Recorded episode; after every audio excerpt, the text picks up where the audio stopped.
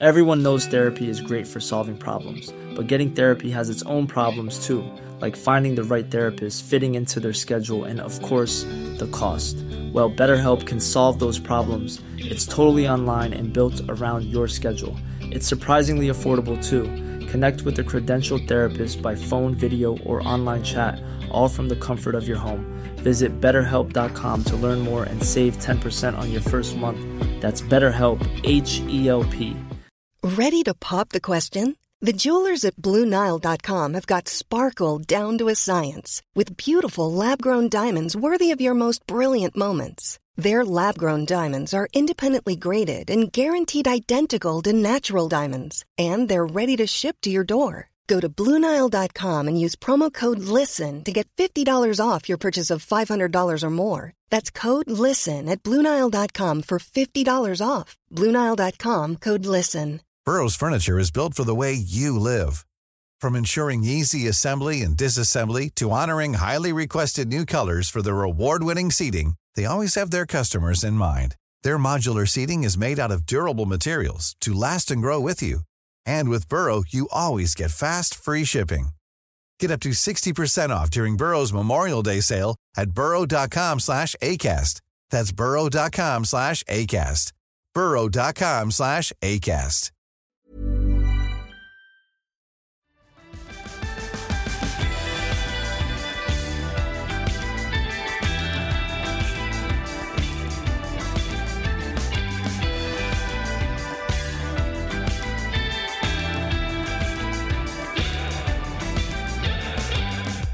Hei og hjertelig velkommen til en ny episode av Afrikansk politikk.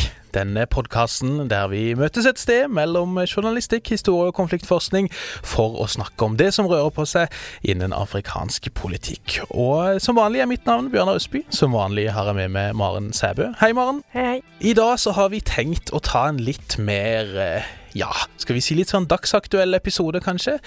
Ta en liten statussjekk på hvordan det står til. Mer spesifikt fordi AU, Den afrikanske union, har møttes nå de siste ukene i sitt hovedkvarter i Addis Abeba, som de pleier å gjøre på denne tida av året. Det har nylig vært et eh, toppmøte der presidentene har eh, møttes for å snakke om både det ene og det andre. Og i den forbindelse så passer det jo fint å snakke litt både kort om hva AU egentlig er for noe, og hva formålet med organisasjonen er, men ikke minst å snakke litt om ja, de ganske betydelige mengdene med hodebry vi kan eh, spore for denne organisasjonen i disse dager. Så vi har en hel del vi skal få tatt for oss også denne uka. Det er sjelden manko på ting å snakke om, og jeg tenker vi egentlig bare kan dundre i gang.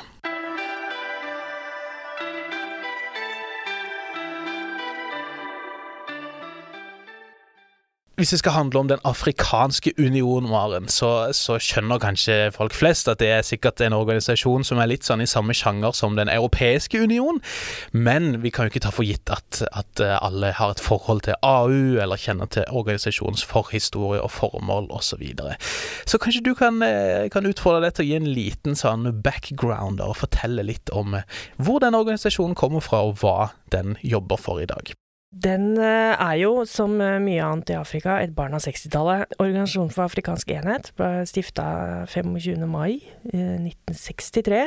25. mai er siden kjent som Afrikadagen. Stemmer. I utgangspunktet så, så, var formålet å få Afrika fritt, rett og slett. Det var jo sånn at en hel rekke stater allerede i 1963 hadde blitt uh, selvstendige. Mm. Men det gjensto ganske mye, særlig sør på kontinentet. Ja. Og man ønska da en, en slags panafrikansk organisasjon som kunne på trykke på da, ja. internasjonalt for, for dette. Mm. Utover 70-tallet så var det jo da de portugisiske territoriene og Sør-Afrika og Namibia igjen. Mm. Da på en måte retta organisasjonens arbeid seg veldig mot apartheid og mot da det man så på liksom som den siste liksom hvite settlerstaten der nede. Ja. Og slik fortsatte det da, helt til Namibias selvstendighet i 1989 og Sør-Afrikas første demokratiske valg i 1994. Mm. Så kan man jo si at det, da fikk de jo eh, oppfylt på en måte sitt rasjonale, da. Ja. Og visste jo ikke helt da hvor de skulle gå utover 90-tallet. Da hadde de jo allerede fått et eh, rykte på seg for å være en litt sånn diktatorklubb. Mm. Som, fordi selv om de hadde vært veldig kraftig i kritikken av menneskerettsbruddet i, i, i Sør-Afrika og, og, også i andre land i det sørlige Afrika, så hadde de ikke tatt for seg uh, det man etter hvert så av uh, ganske grove menneskerettsbrudd i andre land. Ja, de sto, sto sterkt, kan vi vel si, på ikke-innblanding i interne anliggender, da, let's say, som, som jo fikk til konsekvens at en diktator si som Idi Amin, som ofte, ofte trekkes fram i denne sammenheng da, i Uganda, fikk holde på mer eller mindre uhindra. Det var noen uh, prinsipper som de la ned ganske tidlig, uh, i OAE, da.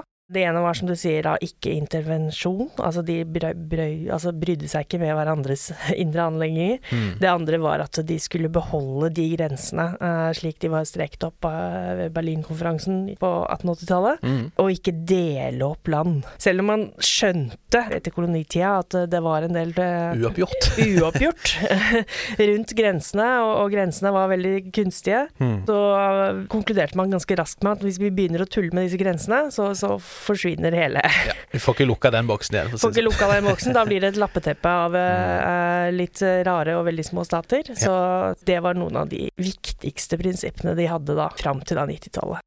Så er det jo sånn at etter 1994 så er det jo ikke akkurat løst alle problemene på kontinentet. Og, det snakkes jo da om å få en slags organisasjon for en ny tid. Mm. Det tar noen år å diskutere seg fram til det, men i, i 2002 så blir OAE lagt ned, og den afrikanske union oppstår. Mm. Og fødselshjelper da, det er Sør-Afrikas daværende president Tabo Mbeki. Han kalles liksom renessansemannen. Yeah. Veldig opptatt av den afrikanske renessansen og, mm. og en, en, ny tid, da, hvor ja. man skulle trekke litt i samme uh, retning. Påta seg noen av de oppgavene som, som, man kanskje hadde overlatt til andre på det afrikanske kontinentet. Altså utvikling, ja. fredsbevaring, uh, sånne ting. Mm. Så man setter da i, i gang med å, å, bygge en litt mer uh, aktiv union. Mm. Allerede i 2003 så hjelper de til med, med en lokal styrke til Burundi, og siden så har AU ofte stått som si, oppdragsgiver til uh, fredsbevarende styrker flere steder på kontinentet. Ofte vært først ute også, og så med, først, ja. i, i, forskning eller begrepene man bruker om fredsbevaring, så snakker man av og til om rehatting. da, At man mm. tar en, en, regional styrke fra AU f.eks., som vi har hatt i uh, både Sudan og i Mali, men da bytter hjelmer, basically. At man setter de under FNs kommando i stedet, og går fra ja, si grønne til blå beretter eller, eller hjelmer. da. Ja, den afrikanske union har grønne, fine beretter. Det er det øyeblikket de får lyseblå, at de på en måte blir rihatta, som du sier. Ja, ja. Det er fortsatt sånn at eh, AU utgjør ryggraden i, i en del av de, også de større FN-operasjonene på, på, ja. på, kontinentet. Og de har da også et eget sånn sikkerhetsdepartement i, i, Addis som driver og følger opp sånn fred og sikkerhet og, og, mm. og slikt eh, rundt om på kontinentet. Og så skal vi da snakke om hvorfor ikke det er så effektivt. Hvis man går tilbake og ser til, til opprettelsespakten da, til AU, så blir det jo ganske tydelig det at vi nå er i en ny tid. Når man vet om de andre strømningene som fant sted i internasjonal politikk og i FNs fredsarbeid på den tida, da det var veldig vekt på type liberale verdier. Sant? Man eh, skulle sikre demokratisering og liberalisere økonomien, vekt på menneskerettigheter osv., så, videre, så ser vi jo det også da gjenspeiles i, i eh, pakten her, men særlig dette der at man forbeholder seg retten ikke bare til å sette inn fredsbevarende styrker, men til å gripe inn selv når en stat motsetter seg det, i møte da med særskilte alvorlige forbrytelser. Så har ikke det skjedd ennå. Man trua Burundi i 2015-16, men trakk seg til slutt. Men, men, har også prøvd å lære litt, tror jeg, av FNs problemer, fordi man har sagt at det er ikke Freds- og sikkerhetsrådet, som også AU har, som skal ta de beslutningene, men generalforsamlinga i fellesskap, da. Eh, så, så, det er i og for seg sånn sett en sofistikert og ganske sånn moderne, litt nytenkende organisasjon sammenligna med FN, som er mye eldre. Den skulle jo jobbe masse for å bekjempe forskjellige sykdommer. Mye vekt på hiv-aids i den perioden som organisasjonen ble oppretta, men malaria og lignende. Massevis av forskningsarbeid og kampanjer som har blitt utført også på de områdene, som vel har vært ganske vellykka, vil du ikke si det? I Addis da, eh, så har de selvfølgelig dette sikkerhetsdepartementet som vi var inne på, men de har jo også da eh, en eh, sånn CDC, altså en sånn helsebit. Ja. De har vært ganske flinke. De har jo drevet med vaksineringskampanjer flere steder på kontinentet, og de koordinerte jo også vaksinearbeidet mm. sammen med Verdens helseorganisasjon da, ja. mot korona på, på, kontinentet. Ja, og bare sånn helt anekdotisk, men det, det var ganske påfallende. Jeg var i Tanzania og Rwanda like før nedstengninga i Norge. Mm. Men, men de, I 2020. Ja, i 2020. Og de var jo eh, i gang med skanninger og sjekker langt før dette skjedde i, i Norge. Nettopp fordi man har denne erfaringa, særlig i land som har opplevd ebolautbrudd og lignende. Men, men, der er det faktisk ganske mye kompetanse og gode prosedyrer på plass, som, som det er lett å kanskje overse. Eh, Pga. litt forskjellige fordommer antagelig om, om hvordan, hvordan organisasjonen opererer. Det er vel særlig disse ebolautbruddene som, som gjorde at eh, flyplasser i Afrika uh, var de første til å skrine folk for feber, uh, ja. også under koronaen. Ja. Det er noe de gjør også fordi det har vært ut, altså, en litt mer kuriøs sak. Det har vært uh, flere utbrudd av svartedauden på Madagaskar. Ja, riktig. De har rett og slett blitt veldig gode på å, å, å ta temperaturen din når du reiser rundt i, i disse regionene. Og, og, der har både da Verdens helseorganisasjon, men også AU, eller AUs da CDC, mm. hatt en, en, rolle for å bygge opp det systemet, da. Ja, ja. De har et romfartsbyrå ja. Eh, bitte lite. og, og, de har selvfølgelig ganske store systemer med, med, med folk som, som, studerer og prøver å finne ut av det økonomiske, prøver å integrere handel, mm. en del sånne ting. Og, og noe av dette da er formulert i det de kaller Agenda 2063 som da selvfølgelig er fra 2013, for det er en 50-årsplan for, for, utvikling på kontinentet. Og, og der er målet eh, langt mer, altså langt mer vidtrekkende enn en, en det eh, typisk sånn FN-organisasjonen vil ha. Dette her er mer, Da ligner det mer på, på Den europeiske union igjen. At mm. de har mål om, om passfrihet, om uh, tollunion over hele Afrika. En, en, type økonomisk politikk da, som, ja. som skal bringe kontinentet framover samla. Mm. Og sant, det, det, er jo all verdens ting man vil prøve å koordinere på her, inkludert ting som luftfart. Det, mm. Der har det jo også blitt gjort noen fremskritt i senere år. Mange forskjellige områder. Litt sånn som EU, da, der man prøver å integrere og, og samhandle på en måte på tvers av, av landegrenser. Nå begynner det jo ikke helt på, på scratch, for Nei. Afrika består jo da, som vi også har vært inne på, av flere internasjonale organisasjoner. Mm. En rekke regionale sammenslutninger som allerede praktiserer visumfrihet og, og, og tollunion union. Eh, mm. Sadek i det sørlige Afrika har vært inne på. Ja. Østafrikanske Fellesskap. eh, fellesskapet. Og ECOWAS. Eh, det er de tre største, men det er også noen mindre. Det fins en liten en for Magreb, f.eks. Ja, man har Ekkas i Sentral-Afrika, IGAD pluss, pluss, pluss. Eh. Så, så, så, det er flere organisasjoner som allerede har kommet et stykke på vei i, i denne type integrering. Eh, så, så AUs utfordring er jo å, å koble det sammen og gjøre det til kontinentalt. Det er kanskje greit å nevne også i denne forbindelse at som alle andre interstatlige eller mellomstatlige organisasjoner, IGO-er på fint, så, så, er jo AU også en organisasjon som fungerer godt på noen områder, og som er ganske dysfunksjonell på, på andre. Og dette er jo en sånn klassisk eh, intern problematikk i de fleste organisasjonene av denne typen, at du gjerne har en sånn dragkamp mellom de organene der det er stater som bestemmer, og de som består av eh, internasjonale byråkrater og eksperter, da, rett og slett. Der statene har eh, makt til å la ting fungere ganske godt, og de også da har rikelig med anledninger til å, å stå i veien for en del av dette arbeidet. Sant? Så der AU ofte kritiseres for å ja, være, fungere suboptimalt på mange områder, så er slettes ikke det unikt for denne organisasjonen. Det vet alle som har studert FN-systemet litt også.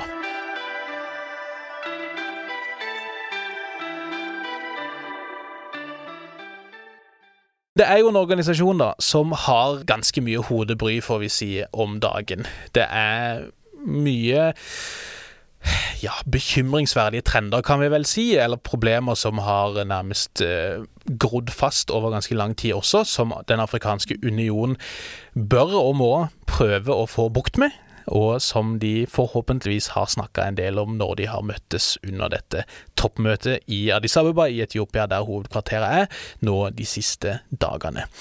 Så har det seg sånn at det har ikke kommet ut all verdens av eh, statements og eh, beslutninger og vedtak ennå. Så hva man egentlig har gjort, og hva man har blitt enige om, det er fortsatt litt uklart når vi spiller dette inn på, på torsdag. Men det vi snakka om eh, å gjøre i dag, var kanskje at vi kunne sette av litt tid til å ta opp noen av de tingene vi håper AU snakker om og finner ut av i tida som kommer. Og En del av disse problemene har vi snakka om ganske mye allerede. Derfor skal vi ikke ta de opp i dag. Disse jihadistene som vi snakka om i forrige uke. Hvis du ikke har hørt den episoden, så kan du gå tilbake dit. Da får du kanskje et inntrykk av omfanget av denne problematikken. Men et annet problem som vi vet det snakkes om, det er jo alle disse kuppene, som vi også hadde en egen eh, liten episode om. Og Du nevnte disse subregionale, kaller vi det gjerne, organisasjonene. Og Der har vi jo en av de, Ekovas, som opprinnelig har hatt, eller lenge har hatt 15 medlemmer, som nå har gått ned til 12.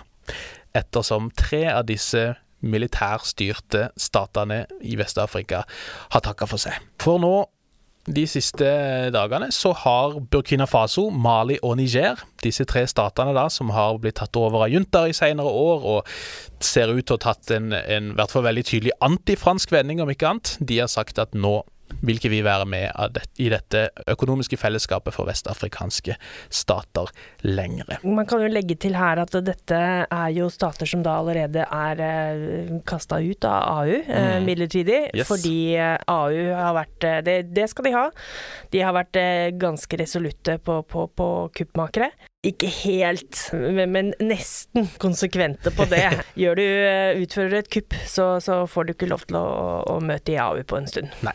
ECOWAS også har jo en litt sånn, eh, eller har på papiret en tydelig antikupplinje, som jo kanskje er litt av grunnen, også den politiske grunnen til at disse statene nå trekker seg ut. Og det at de velger å gjøre dette her, etter å ha gjennomført disse kuppene de siste årene, det kan jo få ganske betydelige konsekvenser. For som AU så har jo ECOWAS jobba nettopp mye med sånne økonomiske integrering og samarbeid i regionen, der de har prøvd å legge til rette for nettopp da fri flyt av folk, av varer og kapital, sånn som altså EU har lagt opp til på vårt kontinent. Og dette kan jo bli et veldig stort problem, særlig for Niger, da, som mm. ikke har eh, noe tilgang til noe hav, og, og, og, og, er helt avhengig av at de, ting fraktes gjennom andre ECOWAS-land. Nettopp, sant. Og Burkina Faso og Mali også, alle disse tre er jo på den ene sida blant verdens fattigste land allerede. På den andre så er de da landlocked, så de har ikke tilgang til kyst. Hvilket betyr at på den ene sida så må de jo De må jo importere ganske mange varer, enten fra kyststatene som ligger sør for de, eller fra resten av verden, særlig Kina, men da via havnene til disse kyststatene. Hvis du kutter det leddet der, så, så kan det bli vanskelig å få tak i en del grunnleggende varer. Samtidig som man også er avhengig av eksport, og, og har i mangfoldige år hatt kultur for at både varer og folk krysser disse grensene regelmessig, med rikelig da med, med handel på tvers av grensene. Også på det helt lokale Anymore. nivåer. Og dette er jo også en av grunnene til at eh, disse landene nå har sagt de vil ut av ECOWAS. Ja. Uh, igjen, Niger uh, har blitt ramma veldig hardt av sanksjoner innført av ja. ECOWAS. Mm. Uh, trusler om intervensjon, til og med. Og trusler om intervensjon, men, men disse sanksjonene som, som de fikk kort tid etter kuppet, det har jo ført til at det har surna veldig i forholdet mm. til Nigeria. Yes. Og alt som skal til Niger, kommer jo, eller det meste, kommer fra Lagos og, og nordover opp.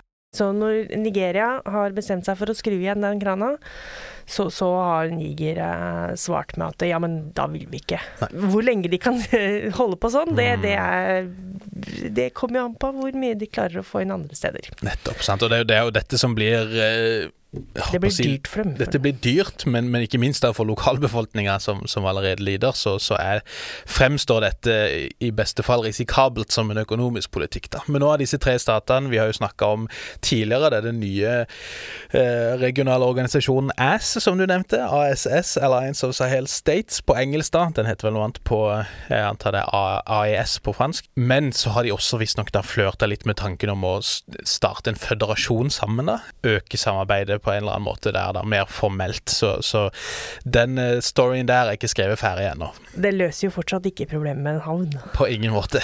På ingen måte.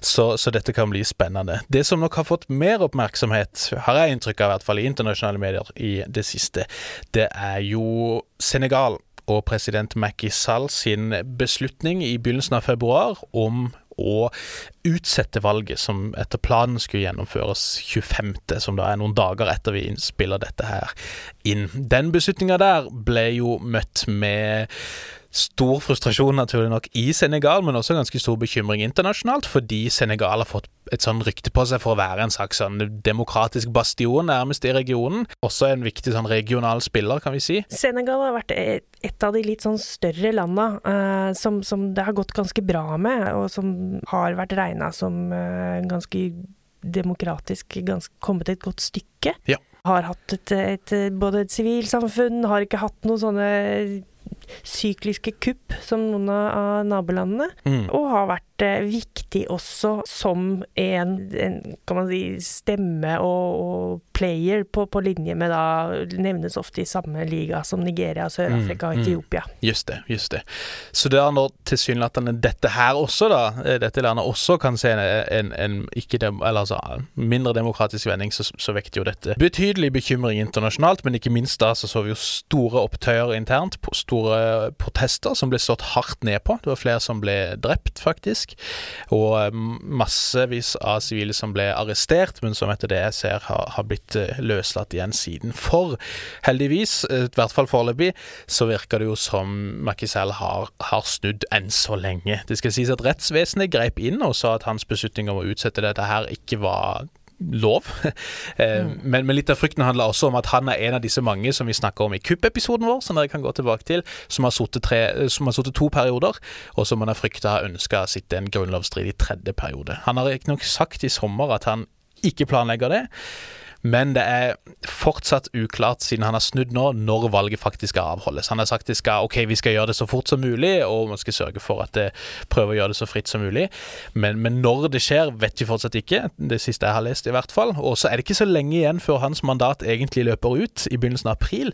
Mm. Så det er jo litt sånn uro for at han vil fortsette å, å utsette dette utover slutten på hans mandat, og, og, i praksis da skli mer over sånn gradvis i en tredje periode. Da. Så, så, også her er det jo fortsatt en viss bekymring, og jeg ser jo flere kommentatorer, også journalister og kommentatorer fra regionen, opplever at dette her, selv om man reverserer, likevel har gjort ganske mye skade på Senegals omdømme, da, som, som en sånn mer stabil, demokratisk eh, profilert regionalspiller. Vi har jo diskutert det tidligere. Eh, I en del land hvor det har vært eh, kupp, så har man snakka om demokratisk tilbakeslag. Ja. Og for Mali så var det siste kuppet ikke noe særlig eh, demokratisk tilbakeslag, for de har jo rett og slett ikke hatt noe framgang, demokratisk mm. framgang å slås tilbake fra. Men, men for Senegal så har vi et reelt demokratisk tilbakeslag hvis Mackisal fortsetter å, ja. tulle til denne prosessen. Der er det et, et relativt stort skritt tilbake, men, mm. mens det vi f.eks. ser i, i, Mali, er litt sånn småskritt til siden.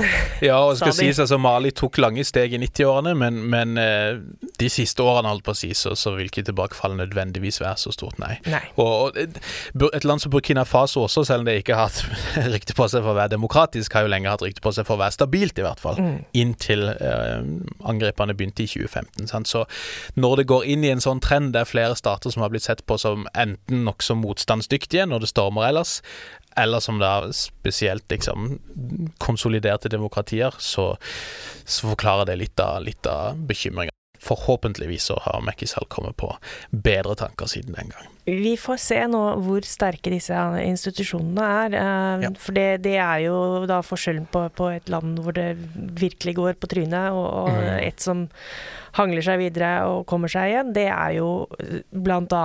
om da denne tredelinga av makt fungerer, om, om rettssystemet er sterkt nok til å, å motstå en, en, en, president som ønsker en tredje periode, eller ikke.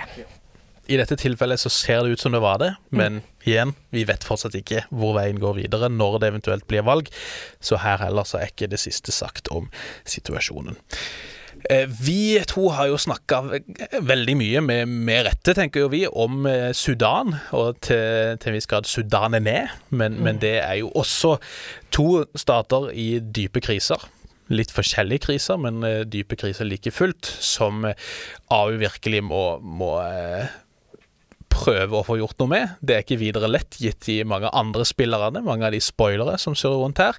Vi skal ikke snakke så mye om Sudan akkurat i dag, det snakker vi mye om i Rødehavsepisoden, så gå tilbake til, til dit. Eh, dessverre har det vært litt sånn more of the same der. Sør-Sudan går jo også inn i et ganske avgjørende år når det kommer til fredsprosessen, særlig, Maren, som, som vi også håper at AU har et øye på. I Sør-Sudan så har jo AU lagt ned mye politisk kapital ja. uh, de senere årene for å beholde en slags fred. Det, jo, ja. det har vært fred på papiret eh, siden 2018, men, men det har aldri, våpnene har aldri stilna.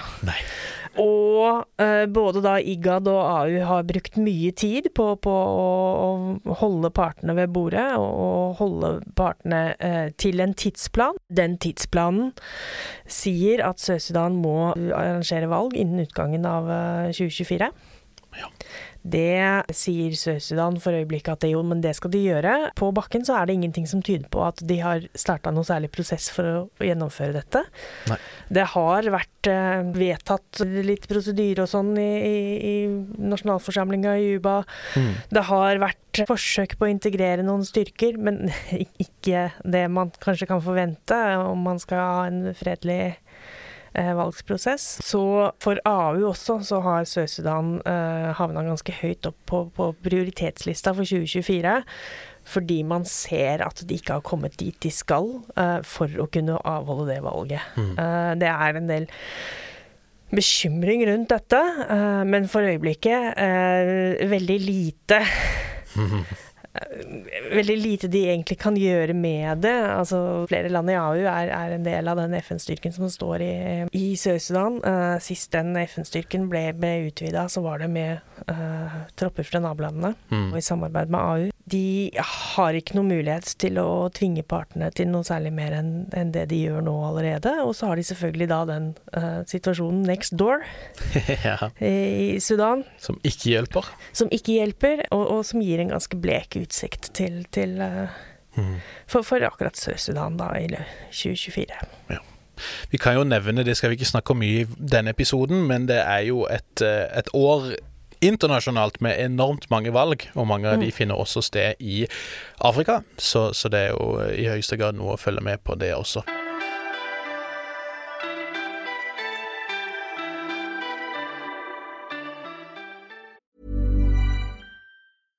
Ready to pop the question? The jewelers at BlueNile.com have got sparkle down to a science with beautiful lab grown diamonds worthy of your most brilliant moments. Their lab grown diamonds are independently graded and guaranteed identical to natural diamonds, and they're ready to ship to your door. Go to Bluenile.com and use promo code LISTEN to get $50 off your purchase of $500 or more. That's code LISTEN at Bluenile.com for $50 off. Bluenile.com code LISTEN.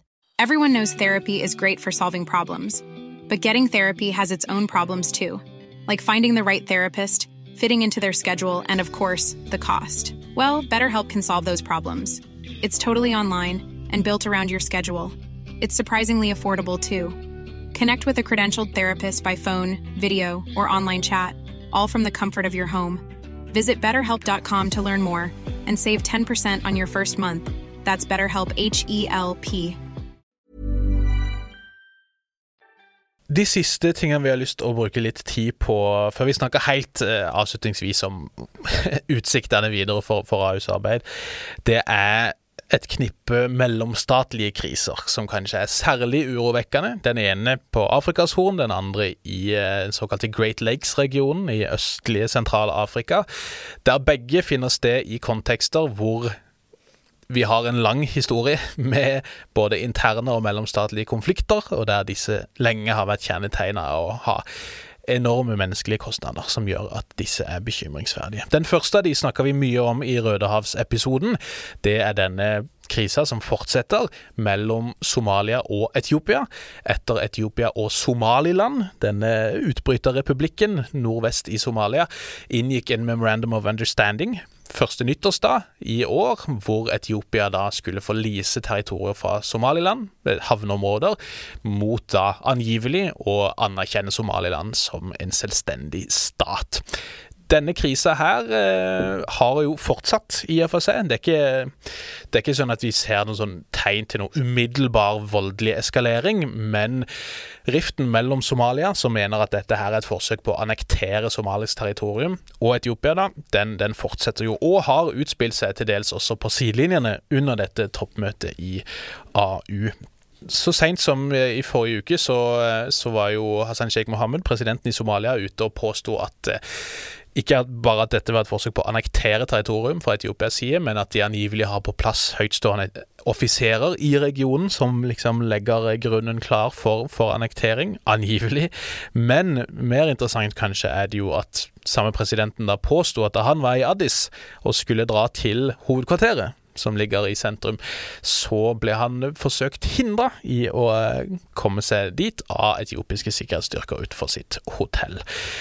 Somaliland sitt utenriksministeri har sagt at dette her er tøv. De kalte det unpalatable rogue and savage behavior fra, fra presidenten i Somalia og kommer med sånne uttalelser. Etiopias eh, regjering har kommet med et statement der de sier at dette her bare er et desperat forsøk på å få oppmerksomhet fra visse medieplattformer, var deres formulering. Men, men eh, det det inngår jo i denne pågående krisa. Samtidig så har Somalia nylig også inngått nye forsvarsavtaler med Tyrkia og Qatar. Begge av de har jo vært langvarige allierte, men også dette fremstår jo ganske tydelig som en sånn ja, hint i, i Etiopias retning om at vi har ryggdekning. Det at AUs hovedkvarter er i Etiopias hovedstad, det har jo egentlig alltid gjort at AU har hatt litt sånn berøringsangst vis-à-vis etiopiske myndigheter, kan vi vel si. Der FN har vært happy nok i sitt hovedkvarter med å kritisere USA, så har vi ikke sett det i samme grad i, i, um, i Etiopia. Utenriksminister i Somalia gikk jo så langt som å si at denne oppførselen her er såpass alvorlig at AU bør vurdere å skifte, skifte hvor sitt hovedkvarter skal være. Men, men, mangelen på kritikk av Etiopia, eller å håndtere etiopiske kriser, det har vi sett i en årrekke. Også lenge før Abiy Ahmed ble statsminister i, i landet. Og det er synd, fordi Etiopia har rikelig med, med kriser, også internt. Væpna konflikter i, i, flere regioner. og, og krigen i Tigray, som er formelt endt, preges jo fortsatt av altså Det er fortsatt overgrep av eh, særlig eritreiske okkupasjonsstyrker. Det ligger an til å kunne utvikle seg en sultkatastrofe der. Så det er et område der AU virkelig trengs, men har, har hatt nokså lite å, å by på, dessverre. Det er jo et problem til. Som journalist som har eh, reist i Etiopia, så, mm. så er ikke Etiopia et enkelt land å ha med å gjøre uh, som presse. Nei. Og det at AUs hovedkvarter uh, ligger i et land hvor det er vanskelig å få uh, presseakkreditering, i et land hvor egen presse ikke er særlig fri, og hvor sivilsamfunnet også sliter i perioder, gjør jo at det kan være vanskelig å ettergå ikke bare Etiopia, men også da AU litt eh, i, i kortene, rett og slett. Mm, mm. Uh, fordi uh, vi ikke har tilgang. Ja. Nå kommer man nok ikke til å flytte det hovedkvarteret, det, det, det har en historie. Organisasjonen for afrikansk enhet la det til Addis Ababa nettopp fordi Etiopia etter sigende var det landet som aldri ble kolonisert. Mm. Og, og Haile Selassie ses som en slags sånn gudfar for, for, for det hele. Yes. Uh, hun har en fin statue uh, utenfor uh, mm. forsamlingen der. Tanzanias landsfader Julius Nyerere fikk avdekka en ny statue denne helga, sa jeg. Så det, vi, vi det er flere, ja, mm. flere, flere, founding fathers som får, får, lov til å stå der på sokkel. Ja. Men lokasjonen gjør det vanskelig. Det er ikke bare journalister, håper jeg, men vi så jo senest med AUs egne granskninger av menneskerettighetsbrudd under krigen i og rundt Tigray, mm. der denne kommisjonen som ble satt til det, ble skrota litt sånn i stillhet av AU selv, eh, etter vedvarende press fra Etiopia, uten at den kommisjonen fikk presentert en sluttrapport, og uten at den, etter det vi kan lese, på noe tidspunkt fikk tilgang en gang til regionen der det var snakk om. Det, så, så, Etiopia står ganske sterkt vis-à-vis AU. Det er ikke så fryktelig mye AU kan gjøre hvis Etiopia stritter imot. Mm. Og, og, det gjør da at en, en rekke eh, kriser, også av humanitær art, rett og slett er nesten litt sånn utenfor AUs rekkevidde, på en måte. Ja, og, og, Etiopia har jo også kastet folk ut, som, som forsøker å, å, se på menneskerettighetsbrudd. Uh, mm. Og de truer jo også diplomatene i AU med utkastelse hvis de ikke Eller hvis de, hvis de, skulle komme til å kritisere vertsnasjonen. Så, så mm. det er et litt uh, kinkig sted uh, å ha hovedkvarteret sitt, men, men det er rett og slett ingen alternativer. Så er det jo en annen krise som vi bare har nevnt så vidt innimellom, men som jeg tenker det er verdt å, å, bruke tid på avslutningsvis. Og det er den som nå pågår i denne såkalte Great Lakes-regionen. Altså mer spesifikt da i hovedsak mellom DR Kongo på den ene sida og den bitte lille naboen Rwanda på den andre. Men det er også stater som Burundi egentlig også er, er en spiller her. Dette er jo en region som, som virkelig har en, en, blodig eh, historie bare de siste 30 årene, som vi skal bruke mye mer tid på i vår serie om eh, folkemordet i Rwanda og etterspillet der. Men østlige Kongo har jo lenge vært eh, åsted for vedvarende konflikter. Med det anslås vanligvis sted rundt 120 væpna grupper, og der enkelte av disse gruppene gjennom de siste drøye 20 årene da har blitt støtta av Rwanda. Og, og, det er her i dag på en måte krisa egentlig ligger akkurat nå. Mer spesifikt ei opprørsgruppe kalt M23, som eh, har blitt såpass sterke nå og, og, lyktes såpass godt med sine offensiver at de nå truer provinshovedstaden Goma, som ligger da i provinsen Nord-Kivu i østlige eh, DR.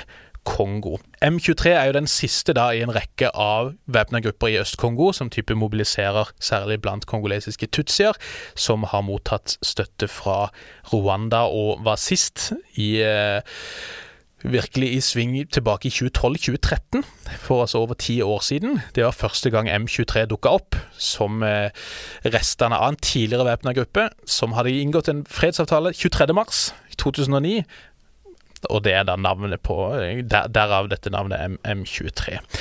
Eh, M23 sist, da tilbake i 2012-2013, så ble jo denne gruppa til slutt slått tilbake, mye takket være FNs eh, fredsoperasjon MONUSCO og dens intervensjonsbrigade, som var bemanna av soldater fra nettopp SADEC, denne sørafrikansk, sørlige afrikanske regionale organisasjonen, som til slutt lyktes med å, å tvinge M23 tilbake, egentlig, eh, ut, ut, av disse områdene, og, og mange av styrkene endte opp med å havne i leirer i Rwanda og, og Uganda. Så dukka disse opp igjen i 2021, og har eh, etter flere forsøk på våpenhviler og lignende til slutt da kommet såpass langt at de nå truer med å innta denne provinshovedstaden Goma. Den tok de i noen dager i slutten av 2012. Hvorvidt det er nært forestående eller ikke, er uklart, men de skal visstnok ha tatt, eller i vært inne i byens Sake, som ligger like ved, som har gjort at spenningene har økt ganske betraktelig.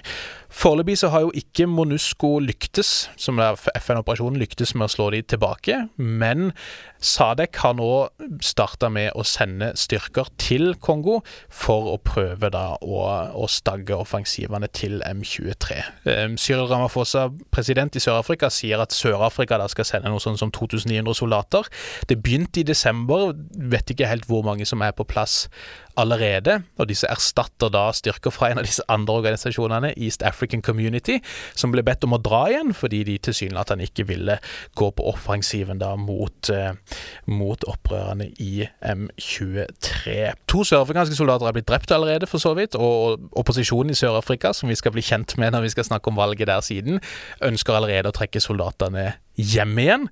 Men parallelt med disse prosessene så har jo da frontene blitt ganske så steile mellom Kongo og Rwanda særlig. Jeg kan bare legge til her at det er ikke første gang verken Sadek eller Sør-Afrika uh, er i Kongo heller. Og jeg tenker vel at den forrige, eller den, den vi snakker om som den store Kongo-krigen, mm. eh, mellom 97 og 2003, er noe av foranledningen for også hele AUs tankegang om intervensjonsstyrker. Man så jo den gangen uh, at fryktelig mange afrikanske land, det var vel på, på det meste elleve afrikanske land, mm. uh, klarte å, å, blande seg inn i Kongo. Ja. Veldig mange land i, i det sørlige Afrika, og, og, og da selvfølgelig Sentral-Afrika. Og det endte jo da med, med at man diskuterte hvordan man kunne unngå å få en sånn situasjon i, igjen. Så man er litt tilbake på ground zero her. Mm. Nå er, som du sier, eh, East African Community har trukket seg ut av, eller er på vei ut av Kongo, og Sadek er på vei tilbake inn. Sør-Afrika har litt dårlige erfaringer med, med sånne eh, styrker eh, rundt omkring i Sentral-Afrika. De, de mista jo en del soldater i, i Den sentralafrikanske republikk i 2013, mm. som vel var det største militære tappet eh, Sør-Afrika har hatt. Altså da disse Seleka-opprørerne kom til, til, Bangui i 2013, mm. så var det sørafrikanske tropper som var siste skanse. Eh, og eneste skanse, virka det som. Og, og, og de mistet en, en, en, hel del folk, og, og en, fikk en del skadde hjem også. Det er det på en måte spekteret eller spøkelset som, som, man i dag ser i, i Sør-Afrika, når man bare noen uker etter at de på en måte igjen har engasjert seg litt eh, tyngre i Kongo, mm. mister, begynner å miste soldater fordi M23 er på offensiven. da. Mm, mm. Ja, og det som gjør denne krisa så vanskelig, er jo at dette stikker fryktelig dypt. Da, så, så, mm. Rwanda, eh, under ledelse av Paul Kagame, som da leder RPF, som kom seirende ut av borgerkrigen i Rwanda mellom 90 og 94 Ehm, de hevder jo at, at, Eller for det første så nekter jo de for at de støtter M23, men det de legger vekt på, er jo diskriminering mot tutsi-minoriteten i østlige Kongo. Og, og den diskrimineringa er for så vidt reell nok, men det de særlig har lagt vekt på i alle år, det er jo at restene av regimet og militsene og hæren som sto for folkemordet i 94, de har overlevd og befinner seg i, i hvert fall til en viss grad, i østlige Kongo. Og de opprørsgruppene som Rwanda da har støtta, har jo kjempa nettopp mot disse genocider, som de kalles. da. Eh, så for Rwanda så prøver jo DR Kongo egentlig å destabilisere Rwanda ved å enten bare velge å ikke gjøre noe med restene av folkemordsregimet, si, eller ved å aktivt samarbeide med dem, som blir behandla fortsatt av regimet i Rwanda som en eksistensiell trussel. På Kongos side av saken så blir Rwanda stadig støtte til væpna grupper i Kongo sett på både som et forsøk på å destabilisere Kongo, men også som et forsøk på å eh, rett og slett stjele ressurser. ressurser ja. Ja, ja. Eh, og, og, det er nok en viss sannhet med begge de oppfatningene, antagelig, selv om de da gjerne også går hånd i hånd med fordommer om tutsier og rwander osv., som som øker konfliktnivået også lokalt. Da. Nå har jo dette gått såpass langt at eh, presidenten i Burundi, som er en hutu, eh, Evaristen Dashamiye, han har gått ut og sagt at eh, i Kongo, i Kinshasa, har gått ut og sagt at Rwanda er en fiendtlig stat. Oppfordra befolkninga i Rwanda til å gå til opprør mot Paul Kagame og hans regime. Presidenten i Kongo, Felix Chisikedi, han brukte jo valgkampen til dels da til å true med å ta krigen til Rwanda for å få en slutt på dette problemet en gang for alle. Men mens også Paul Kagame i Rwanda snakka om Altså, det har kommet ting som tyder på at, at, man ønsker å høyne beredskapen der. Han har sagt noe sånn som at vi ønsker ikke krig, men hvis folk vil ha krig, så skal de virkelig få det. Og, og i det hele tatt så, så, ser det ganske skummelt ut. Såpass mye at den sivile lederen for eh, denne fredsoperasjonen til FN, eh, hun heter vel Binto Keita, hun var i Sikkerhetsrådet nå nylig, briefa de og sa at hvis ikke diplomati vinner frem her nå, så risikerer vi en større regional konflikt. Og i en kontekst da hvor disse to Kongo-krigene mellom 96-97 og 98-2003 kan ha kosta flere millioner sivile livet, eh, så, så, sier jo det seg sjøl at dette er, dette er, ganske alvorlig, for å si det sånn, når, når spenningene er såpass høye. Eh, Rwanda har også motsatt seg forsøk, eller altså Sadek sin, sin intervensjon, å si, og har kritisert Sikkerhetsrådet for å støtte opp om det, fordi de ser på det som et forsøk fra DR Kongo på å destabilisere Rwanda igjen, og nærmest omringe de. Så, så her er det i det hele tatt mye, mye greier. Her kan man ta med seg at Kongo da er med i Sadek. Det er jo selvfølgelig ikke Rwanda, men, men, men Sadek og, og, Rwanda de har hatt en litt sånn turbulent eh, forhold en god stund. Ja, og som vi snakka om i forrige episode, de har kjempa side om side med Sadek-styrker Rwanda da, i Mosambik, mm. men havner nå potensielt i direkte konflikt. For man har ikke bare støtta M23 med uniformer og våpen, som gjør at M23 i praksis kjemper som en konvensjonell hær, i motsetning til mange veldig mye mindre opprørsgrupper i regionen, men eh, man har etter sigende anerkjenner også, og det, det er det også sånn dronebilder av, og FNs eksperter virker også ha støtta opp om det, det har hatt styrker, rett og slett, konvensjonelle rwandiske hærstyrker i, eh, i, Kongo, og har det kanskje fortsatt, hvis vi skal tro på USAs uttalelser om dette her. Og når disse spenningene er såpass høye, så er det litt sånn påfallende hvor lite som har blitt sagt fra topphold i AU om det. Det ble avholdt et møte på sidelinjene, der president Kagame i Rwanda var til stede. Det var også William Ruto i Kenya. Cyril Ramaphosa fra Sør-Afrika var der. Felix Chesikedi fra Kongo. Og eh, presidenten i Angola var også på plass. Joao Lorenzo. Lorenzo. Eh, som da, det, er Angola som har, har hatt lead, til dels med Kenya, på, på forsøkene på å få stansa denne konflikten. Da. Så de møttes. Det, det, det er film av liksom entreen, og det ser fryktelig anspent ut. Kagame er en av de som kommer sist inn, flankert av fire sikkerhetsvakter som følger han hele veien til setet, og det ser ut som ganske laber stemning. Vi har ikke fått noe sånn uttalelser eller noen statements, liksom beslutninger eller noe sånt fra det møtet, som vi har sett til nå i hvert fall, med forbehold om at det kan komme de neste dagene. Og det statementet som kom fra AUs liksom, formann, der, altså, la oss kalle det generalsekretær, som det ikke er hans tittel, Mosafaki, det statementet var ganske slapt, egentlig. Det var liksom veldig generelt om at dette må vi løse med dialog og ikke militært. Vi oppfordrer og minner om forpliktelser disse statene har, bla, bla, bla. Ikke så mye trykk. Eh, fordømmelsen som har kommet fra annet hold, har vært ganske mye eh, hardere, både fra Frankrike, men, men, kanskje særlig fra USA, som kom med et statement for noen dager siden der de fordømmer Rwandas støtte til M23 og ber Rwanda om å umiddelbart trekke tilbake rwandiske styrker fra Kongo, fjerne bakke-til-luft-missiler som de skal ha forsynt M23 med, eh, fordi at disse truer livet ikke bare til sivile FN og andre regionale fredsbevarende styrker og humanitære aktører, men også for kommersielle flyvninger i østlige DR Kongo. Det er en altså, direkte sitat fra, fra, USA her. Ja, og dette er jo nye takter fra USA yes. eh, i forhold til Kagame. USA har eh, vært et av de eh, landene som har holdt, eller sett litt gjennom fingrene ja. med hva Paul Kagame har drevet med siden 1994. Og det betegnes vel litt som et sånn vannskille når, når mm. Eh, USA går ut og advarer så sterkt om konflikt ja. mellom Ravanda og Kongo, ja. og uh, gir en såpass klar fordømmelse av hva Ravanda måtte drive med inne i Kongo, da, da, har man kommet et stykke mm. godt stykke lenger på veien. Da, da, høres det litt mer ut som det brenner på dass.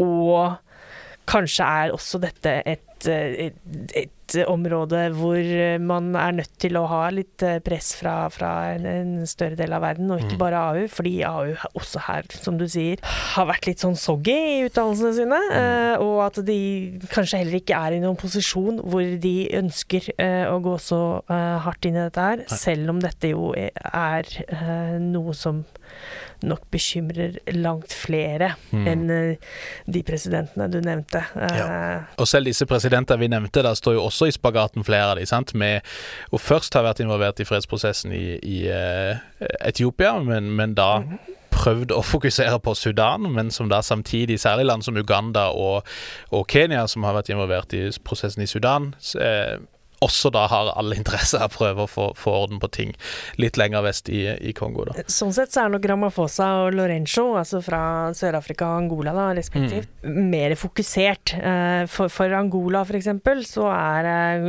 Kongo litt sånn det var storebroren som ble lillebroren, ja. Eh, og Angola er alltid veldig opptatt av hva som skjer i Kongo. Mm. Så for Lorenzo, han kan fokusere på denne uten å ha så veldig mange andre ting å trøble med samtidig, ja. som, som, eh, disse andre vi har nevnt, har. Ja, Som kanskje gjør han til en egnet spiller, da, potensielt. Får vi håpe, i hvert fall.